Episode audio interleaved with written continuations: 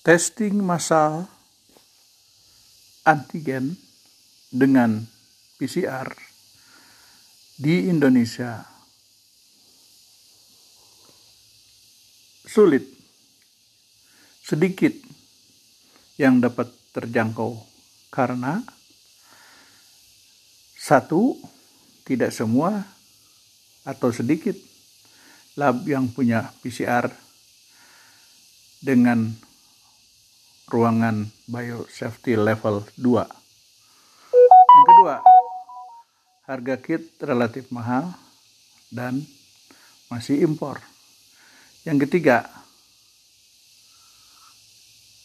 jumlah teknisi yang dapat mengadakan PCR masih terbatas.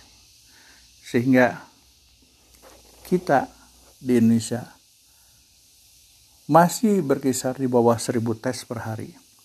Sementara Korea, negara yang lebih kecil jumlah penduduknya, bisa 15.000 tes per hari. Sebetulnya kita bisa meningkatkan hingga puluhan ribu dengan cara menggunakan teknologi pemeriksaan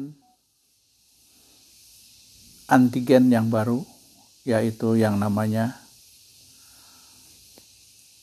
metode isothermal amplification. Ini metode cepat 10-20 menit bisa dikerjakan oleh semua orang, tidak perlu teknisi khusus.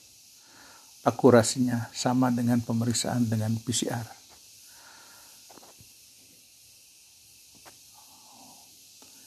Saya telah mengirimkan informasi ini ke beberapa lembaga yang terkait dan juga lewat media sosial. Namun hingga saat ini belum mendapat respons yang baik. Sampai jumpa.